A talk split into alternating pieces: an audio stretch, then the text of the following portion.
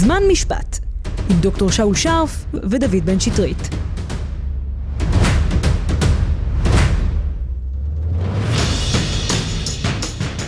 שלום לכם, אנחנו זמן משפט, הפודקאסט המשפטי של רדיו קולגת. שלום, שאולי שרף, מה העניינים? טוב מאוד, מה שלומך?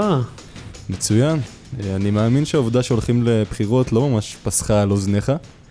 כן, אכן, אה, אני חייב להודות שאנשים מהסוג אה, שלי דווקא מאוד מאוד אוהבים את המצב הזה. אפילו כשזה בפעם החמישית, אתה לא מתעייף מזה? גם בפעם השישים, אני חושב שכשיש, אה, קודם כל, כשיש בלאגן אז זה כבר כיף, כמו איזה מסיבה כזאת. אבל אם קצת נהיה יותר רציניים, אני חושב שבסופו של דבר הביטוי לכך שמדינת ישראל היא מדינה דמוקרטית, זה עצם ככה, זה שיש בחירות. אמנם הבחירות התכופות הן לא לטובת יציבות הממשל, אבל אין ספק שלכל המלעיזים שהדמוקרטיה הולכת לאבדון, ולא ברור אם ישראל היא מדינה דמוקרטית, אז כל פעם שיש בחירות, וכל פעם שיש לנו אפשרות להחליף את השלטון, אפשרות, גם אם לא מחליפים אותו, נראה לי ההוכחה הברורה ביותר לכך. תזכורת טובה לזה. כן, תזכורת טובה שבסופו של דבר, אם אנחנו לא מרוצים ממשהו, אז יש לנו הזדמנות uh, לשנות, לתקן.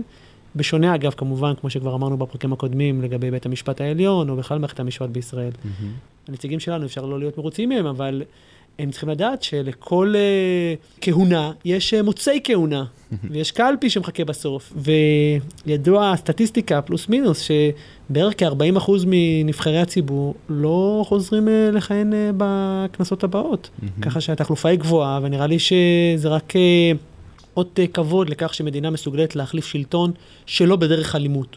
זה בעצם הביטוי הריאלי ביותר למה זה בחירות בכלל. אז בעצם בפעם החמישית בתוך שלוש שנים וחצי אנחנו הולכים לבחירות, כמו שאמרנו. כן. ואנחנו כמובן לא יכולים להתעלם מזה ומהסוגיות שזה מעלה. אז היום ובפרקים הקרובים אנחנו נעסוק בכך, ונבדוק בין היתר איך זכינו בתואר שיאנית הבחירות של העולם המערבי, והאם הבעיה נעוצה בשיטת הממשל שלנו, השיטה הפרלמנטרית. בקיצור, נשתדל לעשות סדר בכל מה שצד... שצריך לדעת רגע לפני 1 בנובמבר, היום בו תתקיימנה הבחירות לכנסת ה-25. אז הרבה אנשים נוטים בכלל להתבלבל, אה, אבל בעצם בבחירות אנחנו בוחרים מפלגה לכנסת, והיא זו שמרכיבה את הממשלה, ואנחנו לא בוחרים ראש ממשלה כמו שהרבה אה, מועמדים לכנסת אה, מנסים לספר לנו או למכור לנו. נכון, אני חושב שבציבור יש אה, בלבול של כמה וכמה מושגים, אבל אה, צמד המושגים אולי שהכי מבלבל את הציבור, ומתוך כך אולי גם מגיעים לבלבול הזה של מי אנחנו בוחרים, זה חוסר ההבנה בין כנסת לממשלה. בעצם שתי רשויות שלטוניות מאוד חשובות, שכמעט אה, כל אדם מן הציבור שנשאל, או לא כל, אה, כמעט כל, אבל הרבה מן הציבור, אם נשאל אותם, אנחנו נראה שהם לא ידעו להגיד לנו אה, מה ההבדל בין הכנסת לממשלה, ולא בכדי, כי הרבה פעמים באמת אלה שמשרתים בכנסת גם משרתים בממשלה, ואנחנו ננסה גם להסביר למה זה קורה. אבל חייבים לעמוד על ההבדלה ועל ההפרדה בין שתי הרשויות הללו. יש כנסת, שהיא הרשות המחוקקת, והיא זאת שבעצם מחוקקת את החוקים, חקיקה הראשית, כמו שאנחנו מכירים, ויש את הממשלה, שהיא הרשות המבצעת, והיא זאת שבעצם מבצעת ועושה שימוש בכספים הציבוריים כדי לקדם את האג'נדה, וכמובן כדי להוציא לפועל את החוקים שהכנסת חוקקה. אבל כנסת זה לא ממשלה, ממשלה זה לא כנסת, ולכן צריך לשים לב שאנחנו מדברים על שתי רשויות שונות, וככל שאנחנו הולכים לבחירות, וככל שאנחנו מצביעים לנציגים שלנו, זה אך ורק לכנסת. אנחנו מצביעים ל-120 חברי כנסת, והם אלו, כמו שנדבר על זה בהמשך, הם אלו שבעצם מרכיבים את הממשלה. זהו, אז הממשלה תלויה בכנסת והכנסת תלויה בממשלה, זו משפיעה על זו. גם כמו שאמרת, מהכנסת בעצם מרכיבים את הממשלה. המלאכה הזאת בעצם מוטלת על אדם אחד מתוכה. מי הוא זה האיש? אז כאן אה, אתה בעצם אה, מציין אה, נקודה מאוד חשובה שנוגעת למנגנון המיוחד שקיים בישראל. כלומר, לא מיוחד במובן הזה שרק ישראל ייחודית בה, אבל המון ממדינות דמוקרטיות בעולם לא מתנהלות באופן כזה שהציבור מצביע רק לרשות המחוקקת, והרשות המחוקקת מתוכה קמה הרשות המבצעת. אני אזכיר שני מושגים מאוד חשובים, יש את מה שנקרא המשטר הפרלמנטרי, ויש את המשטר הנשיאותי. אלה בעצם שני מודלים אה, מרכזיים, יש עוד הרבה מודלים שונים וגם אה, מודלי ביניים, אבל שני המודלים האלו הם בעצם מודלים שמנסים אה, לבוא ולצייר את הדיכוטומיה, את ההפרדה בין משטר שבו האזרחים מצביעים לרשות המחוקקת, ולצד זה גם לרשות המבצעת. ככה למשל בארצות הברית, ככה למשל בצרפת. יש את הקונגרס בארצות הברית, שזה הרשות המחוקקת, ויש את נשיא ארצות הברית, שהוא הרשות המבצעת, ומצביעים בקלפי גם לקונגרס בפתק אחד, וגם לרשות אה, המבצעת אה, אה, בפתק אחר. אה, פה בישראל אנחנו לא נקראים משטר נשיאותי, יש אה, אה, בחירות רק אה, לפרלמנט, לכן זה נקרא משטר פרלמנטרי. אז באמת הכנסת היא נמצאת במרכז, נכון. והממשלה נבנית מכוחה, נכון. היא הזרוע המבצעת שלה בעצם. יכול להיות שהמשבר הפוליטי הזה שאנחנו נמצאים בו כבר אה, שלוש שנים, נובע דווקא מהשימוש בשיטה הזאת? אני חושב שלא. אם רגע ננסה קודם כל להבין איך השיטה הזאת עובדת, כדי שגם המאזינים שלנו יבינו את הייחודיות או המאפיינים המיוחדים של השיטה הזאת. הרשות המחוקקת, כשאנחנו מצביעים לה, בעצם אה, מתארגנת על 120 חברי כנסת. סך הכל סך ההצבעות הכשרות אה, מתפזרות אה, ל-120 מנדטים, שבעצם באים לידי ביטוי ב-120 חברי כנסת. כאשר אנחנו פונים להקמת הממשלה, לאחר שבחרנו את הכנסת, מתחיל מה שנקרא משא ומתן קואליציוני. אנחנו מתחילים לייצר אה, אה, שיח בתוך אה, המפלגות הנבחרות, שאחד מה... נבחרים, בדרך כלל זה מי שיש לו את מירב הקולות, או לפחות את אחת המפלגות הגדולות, מנסה לייצר, לייצר סביבו מספיק תומכים מתוך הכנסת, כדי שיתמכו בממשלה שהוא מנסה להקים. כלומר, יש איזשהו מועמד, איזשהו אדם שיש לו אפשרות לפי החוק, חוק יסוד הממשלה, הוא מקבל את המנדט, את הסמכות הזה מהנשיא. הנשיא נותן לו את האפשרות להקים את הממשלה, והוא במשא ומתן קואליציוני, כלומר, הוא מנסה לכ, לכנס, מה זה קואליציה? מנסה בעצם לאסוף סביבו, קואלישן, לאסוף סביבו אנשים, אה, יותר נכון מפלגות, שהם מסכימים עם קווי המדיניות שהוא רוצה להקים בממשלה הזאת. ולכן הוא צריך שיהיה לו יותר תומכים בכנסת מאשר מתנגדים בכנסת. עכשיו, זה לא באמת משנה כמה... מנדטים אה, יש למפלגה שעומד בראשה. לכן אין שום בעיה לצורך העניין. ראינו את זה היטב בבחירות האחרונות. נכון, שגם אפילו... שבנט הרכיב ממשלה עם שישה, שבעה מנדטים שהתגלגלו לחמישה. נכון, זה לא משנה, כל עוד יש לך אפילו מינימום של מנדטים, כל עוד יש לך רוב בכנסת שרוצים שאתה תעמוד בראש הממשלה, בראש הרשות המבצעת, אתה יכול לבוא ולהקים את אותה ממשלה. ולכן המשא ומתן הקואליציוני נוצר בצורה כזאת שבו מישהו אה, אה, עומד להיות ראש ממשלה, מציע תפקידים לחברי הכנסת בתוך הממשלה שהוא מקים. ולכן נוצר מצב שמבלבל מאוד את הציבור, כי אנחנו רואים אדם שהוא גם חבר כנסת וגם שר בממשלה. עכשיו, למה זה נוצר? כי כשאותו אדם שרוצה להיות, המועמד שרוצה להיות ראש ממשלה, הוא יכול אגב להציע לכל אדם מהציבור להיות שר. גם אם הוא לא חבר כנסת. בדיוק, זה די אגב. נדיר במחוזות שלנו. נכון, אבל לא זה קיים. זה. אנחנו מכירים למשל את אה, דניאל פרידמן ב-2007 ויעקב נאמן ב-2009, הם היו שרי משפטים, למרות שהם לא היו חברי כנסת. אגב, אפשר להיות שר, אפשר להיות סגן שר. סגן שר חייב בעת מינויו להיות חבר כנסת, לא בעת כהונתו, אחר כך יכול להתפטר. שר, גם בעת מינויו לא חייב להיות. אבל למה לא פונים לציבור? למה לא פונים עכשיו לכל מיני אנשים נהדרים וחביבים? כי אני רוצה את, את חברי הכנסת. הכנסת. בדיוק. אני רוצה שחברי הכנסת יבואו ויתמכו בממשלה שאני מקים. ולכן נוצר מצב שבו אני רואה, הציבור רואה, גם את אותם אנשים, את אותו אדם, משמש בשני כובעים, בשני תפקידים. גם בכנסת וגם בממשלה, ולכן יש בלבול בין שני הגופים האלו, ולא מצליחים להפריד. אני לא אשב וארחיב, אני לא אעלה את המאזינים שלנו לגבי החוק הנורבגי, או החצי נורבגי, השליש נורבגי, שבעצם כן. מי שנכנס לממשלה יכול להתפטר מהכנסת, ואני לא אכנס לכל הסיפור הזה, אבל מה שחשוב לציין ולהדגיש, זה שיש לנו שיטה שבה האזרחים מצביעים לכנסת, והכנסת היא זאת שמקימה את הממשלה. הכנסת הם נבחרי הציבור, והממשלה, אם תרצו, זה בעצם הגוף המקצועי שהכנסת מקימה על ידי המשא ומתן הקואליציוני. עכשיו, כמובן, כל מי שלא נכנס לתוך הקואליציה, כלומר, כל חברי הכנסת שהם לא מרכיבים או משתתפים בממשלה, אוטומטית הם מוגדרים כאופוזיציה. וכל התפקיד של האופוזיציה זה כשמם כן להתנגד. אין להם קו מאחד. אין להם איזשהו אה, אה, קווי מדיניות. אף על פי שראינו בכנסת הזאת, היא היוצאת קו מאוד מאוד אחיד של האופוזיציה. כל מה שהקואליציה רוצה להעביר, אנחנו כן, נסכם. כן, אבל אה, יושב לך הציונות הדתית, אה, בן גביר, mm-hmm. עם אה, הרשימה המשותפת. אנחנו לא באמת חושבים שיש להם אה, משהו מאחד, חוץ מרק לא הממשלה. אגב, גם הממשלה הנוכחית, חייבים להודות שגם היא הייתה לה קו אה, אחד מאחד, mm-hmm. רק לא ביבי, כן, הרל"בים כן. המפורסמים. אבל אה, האופוזיציה, יותר מהקואליציה, מה שמאגד אותה זה אך ורק ההתנגדות לקואליציה, ולכן אנחנו צריכים להבדיל גם בין הקואליציה לאופוזיציה. עכשיו לגבי השאלה שלך, מה שבעצם אתה מדבר על הבעיה שקיימת בישראל. כמה זה באמת השפיע, השיטה הפרלמנטרית? אני חושב שהשיטה. הפרלמנטרית היא לא הבעיה. השיטה הפרלמנטרית היא ממש לא הבעיה. אה, אם כן, מה היא? אה, אני כמובן יכול רק אה, לשער, אני לא, עד, ש... מהמם. עד שהדברים לא ייבחנו בפועל, אבל אפשר אה, כמובן להצביע על נקודה מסוימת במשטר הישראלי, בהיסטוריה אה, הפוליטית שלנו, שמשם ניתן לראות את המשבר, והדבר הזה, למרות שאנשים חושבים שזה בגלל ביבי, כן, ברגע שהוא יוצא מהמערכת, לכאורה הדברים השתנו, לפי דעתי זה לא נכון.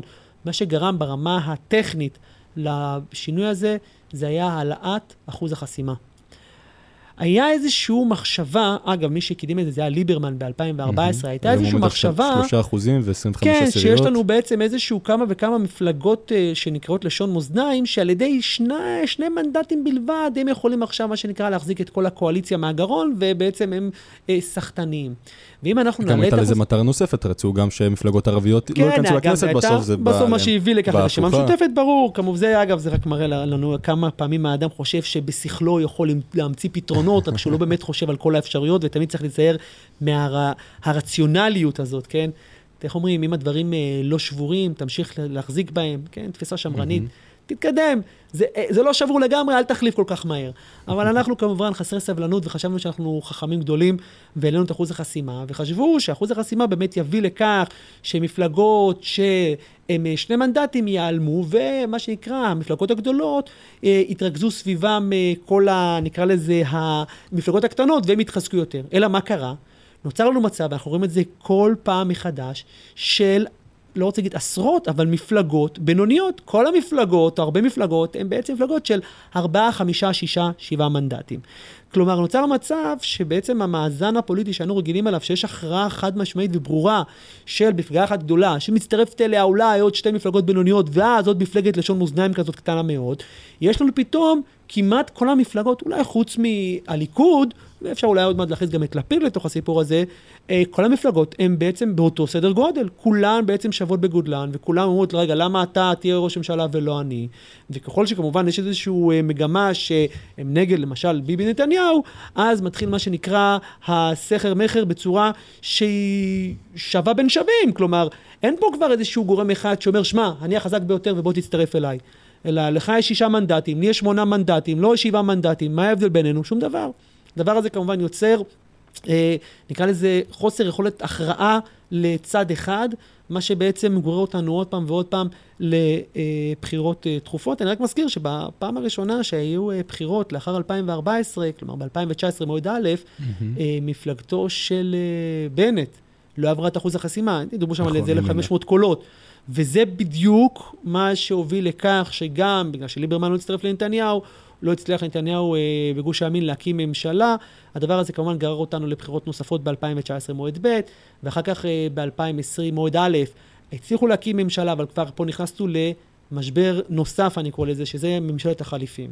מהמם. וזה בעצם גורם נוסף שעוד יותר טרלל את המערכת. אז עוד רגע נדבר על כל השינויים האלה שנעשו פה בשביל להכשיר אה, ממשלות או לפרק ממשלות, והכל כמובן אה, בחוק, אבל הצגת פה את השיטה הפרלמנטרית אה, וגם את השיטה הנשיאותית. אה, בישראל היו ניסיונות לעשות כמו mix and match בין שתי השיטות, קראו לזה שיטת הבחירה הישירה יפה. לראשות הממשלה, שגם לא ממש נחלה הצלחה גדולה. למה, למה זה לא הצליח? אז אנחנו מדברים על מקרה של שינוי שיטת המשטר, כמו שאמרת, בעצם עשו, פה איזשהו שילוב בין שני המשטרים, שבו בחרו גם לכנסת, אבל לצד הבחירות לכנסת בחרו גם את ראש הממשלה. עכשיו שוב, הדבר הזה נבע מאיזושהי אה, תפיסה שגויה, התברר בדיעבד, שהמפלגות הגדולות חשבו שהבוחרים הם אה, לא מספיק מתוחכמים. כלומר, ימשיכו לבחור את, ה, אה, את המפלגות שלהם הם תומכים, והראש ממשלה שיבחר בבחירה ישירה, אגב, הראשון שנבחר כך זה היה נתניהו ב-95, השני זה היה אהוד ברק ב-99, והאחרון שנבחר כך זה היה אריאל שרון שרון. ב-2001. הם חשבו שהוא יהיה יציב, כי הוא לא תלוי בפרלמנט, הוא לא תלוי בכנסת, הוא לא צריך את אמון הכנסת, הוא לא צריך רוב בכנסת כדי להקים את הממשלה שלו, כי הוא נבחר ישירות על ידי הציבור.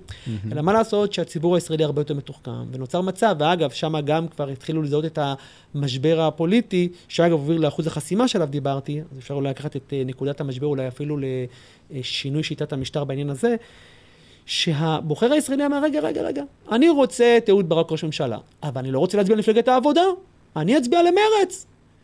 או אני רוצה להצביע לביבי נתניהו, ואני לא רוצה אבל את הליכוד, אני אצביע על המפד"ל. נוצר מצב שהמפלגות הקטנות מאוד, שוב, הפכו להיות מפלגות בינוניות. סחטניות.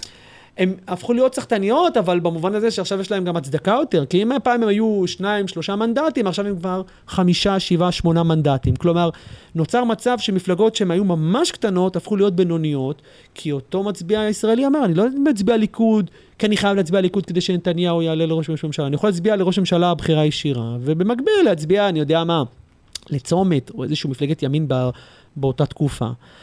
כששינו את שיטת המשטר חזרה וביטלו את הבחירה הישירה, כבר הסנטימנט הישראלי, הסנטימנט של הבוחר הישראלי היה כזה, שאומר, רגע, אני כבר שייך למפלגה כלשהי, אני כבר מצביע 7-8 שנים למרץ, או למפד"ל, או מה שזה לא יהיה. למה שאני אעזוב אותם? כלומר, קיבענו את המצב שבו המפלגות הקטנות הפכו להיות מפלגות בינוניות. והמפלגות הגדולות, כן, הליכוד ומפלגת העבודה, שהן היו מאוד גדולות, היו 25-30 מנדטים באופן קבוע, פתאום uh, צנחו למספר אפילו חד ספרתי. אני מזכיר לך, המפלגות של נתניהו, הוא הגיע ל-12 מנדטים, אם אתה זוכר mm-hmm. שם בתקופתו של אה, הולמרט, כשקדימה פרצה קדי, קדימה.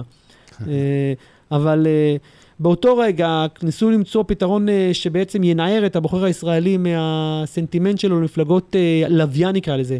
כן, מפלגות הלוויין. ואותן מפלגות לוויין כבר הן לא מפלגות לוויין, הן כבר מפלגות, מפלגות שהן אה, עומדות בזכות עצמן. שחקניות מרכזיות, גם כן. ב, אנחנו רואים את זה היטב. נכון. אז בעצם אה, יש את השיטה הזאת של בחירת, שיטת הבחירה הישירה, ואנחנו רואים שלא מעט פעמים בסבבים האלו, אה, שחקנים מרכזיים עוד פעם מעלים שוב ושוב את הרעיון לשנות את שיטת הבחירות בישראל. ומנסים לשנות אותה בכנסת, שחקנים אחרים אומרים לא, לא משנים את, ה, את כללי המשחק בזמן המשחק. יחד עם זאת, ראיתי כל מיני, נברתי קצת אה, באינטרנט וראיתי כל מיני הצעות לשינוי שיטת הממשל, וראיתי למשל הצעה של המכון הישראלי לדמוקרטיה. אה, הוא מציע למשל שרק ראש המפלגה הגדולה ביותר יוכל להרכיב ממשלה, אה, מה שלדעתי לא יועיל, כמו שאמרנו, כמו שגנץ וביבי לא הצליחו לעשות את זה ב-2019. הם גם הציעו שאי העברת תקציב למשל לא תוביל להתפזרות הכנסת, או שהכנסת לא תצטרך אפילו להביע אמון בממשלה מלכתחילה.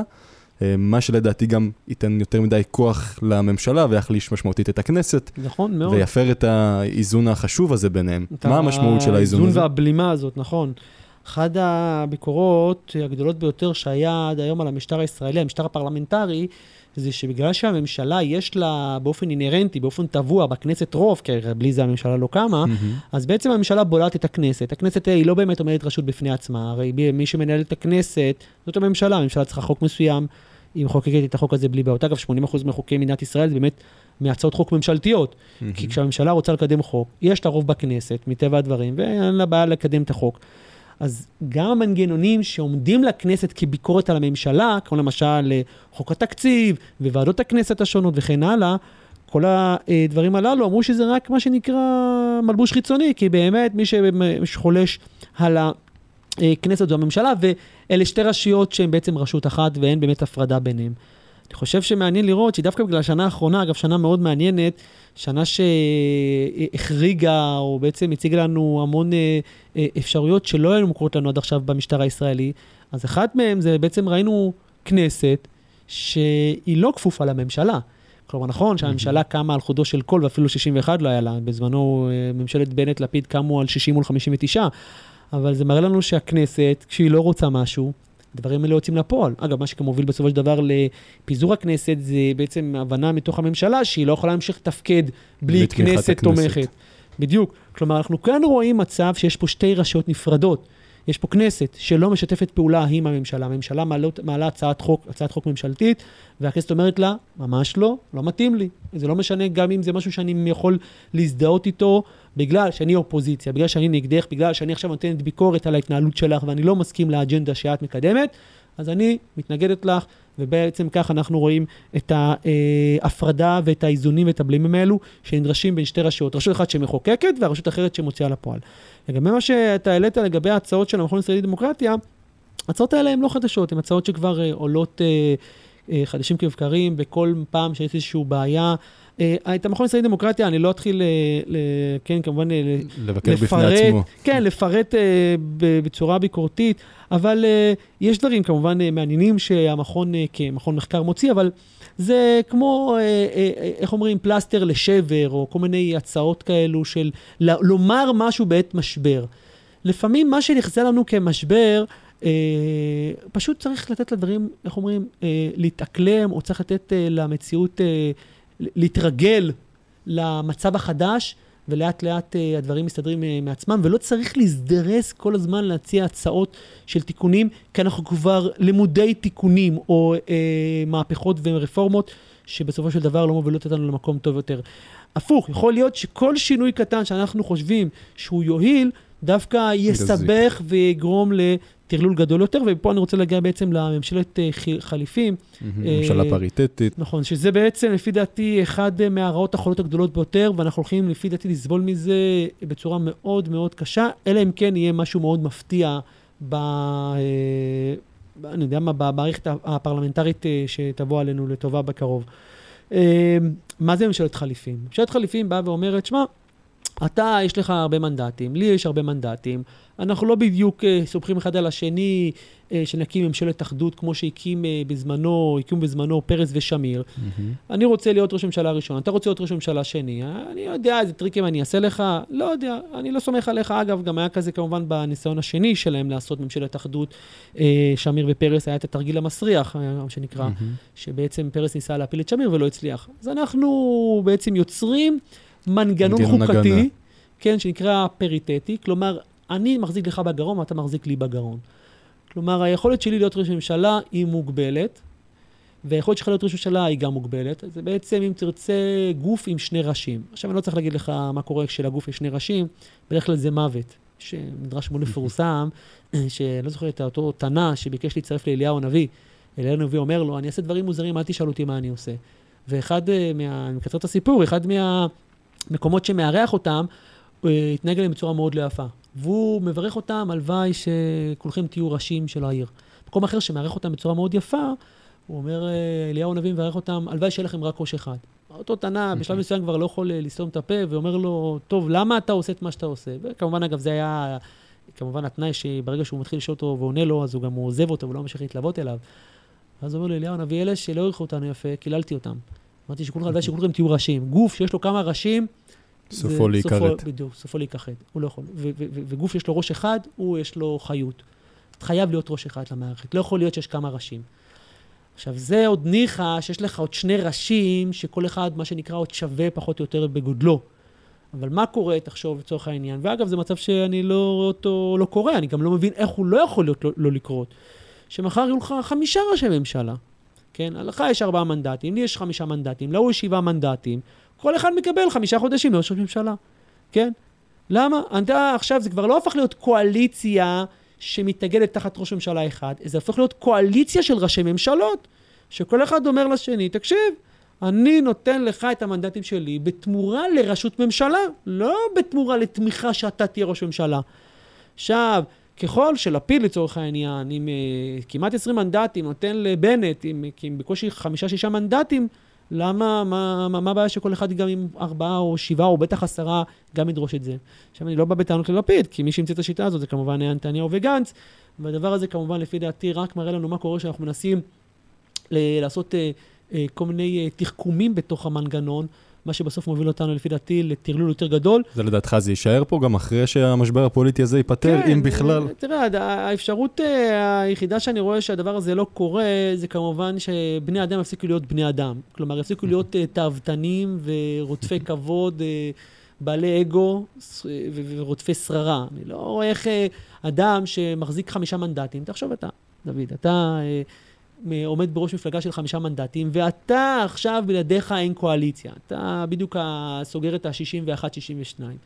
ואתה אומר, חבר'ה, אני לא בדיוק, אה, אתם לא אה, אה, כוס התה שלי, אתם לא בדיוק יושבים על המשבצת הפוליטית שאני מאמין בה, מהמם. אבל אתם רוצים שאני אהיה איתכם, אין לי בעיה, אני לא רוצה אפילו להיות ראש ממשלה בקדנציה הראשונה. תן לי בקדנציה הרביעית, תן להוא, להיא, להיא, תן לי להיות בקדנציה הרביעית, מה? להיות ראש ממשלה זה לא רע בכלל, זה כמובן גם... אה, זה אה, גם משרת את האינטרסים של הבוחרים, אבל צריך אה, להגיד, כלומר, אה, בסופו של דבר נבחר ציבור אמור לשרת את המצביעים שלו. מסכים איתך, אבל ויש יש בזה גם... גם, אה, בוא נגן עליהם לרגע, עם כל הטרלול שבדבר, מצד שני זה גם באמת משרת את אה, כן, אבל אנחנו הבוחרים. צריכים לשרת את האינטרסים של הציבור בתוך מנגנון שבאמת הוא יציב, שהוא באמת אפקטיבי, שיש לו יכולת לקדם את האינטרסים האלו, שהוא באמת יעיל. אם uh, יש לך כבר ממשלה שנייה שקמה, שהיא לא סוגרת את ימיה, שים לב שאפילו הראש ממשלה החליפי לא נכנס להיות ראש ממשלה בתקופה של רוגע ונחת. כן, יש לנו את uh, uh, גנץ שבכלל לא זכה. טוב, אני לא מהמם. אתחיל uh, להחמיא לביבי, כן, על uh, תחכומו, ויש שיגידו לקלל את ביבי על uh, נכלוליותו. אבל מהמם. גנץ אפילו זכה להחליף אותו, וגם לפיד. אה, בנט אה, לא העביר ללפיד את השרביט בימי שלום, אלא בימי קרב ומלחמה. כלומר, הוא בממשלת מעבר, שגם ככה, בטבע הדברים, הסמכויות שלו מוגבלות, ואין לו יכולת אה, לשלוט בצורה רחבה. עם זאת, שאני מזכיר לך, מזכיר לך שראש ממשלה חליפי בכל מקרה לא יכול למשול בצורה מלאה, כי תמיד יש בעצם את ה... ראש הממשלה החליפי, שמחזיק אותו מהגרון, והוא לא אחראי על השרים שהוא מינה, והוא לא אחראי על השרים של הצד השני, וכן הלאה, וכל מיני אה, אה, מנגנונים וקונסטלציות שרק מכבידות יותר על הממשל. מה גם שהוא ראש ממשלת מעבר, שבפרק הבא נבדוק מה זה בכלל אומר, מה הסמכויות שלו, ובכלל של ממשלת מעבר ושל כנסת מעבר. אנחנו נמשיך את הפרק הבא בדיוק מהמקום בו עצרנו בפרק הזה. אז עד כאן להיום, זמן משפט. תודה רבה לכם שהייתם איתנו, תודה רבה לך שאולי שרף. תודה רבה, דוד. להתראות.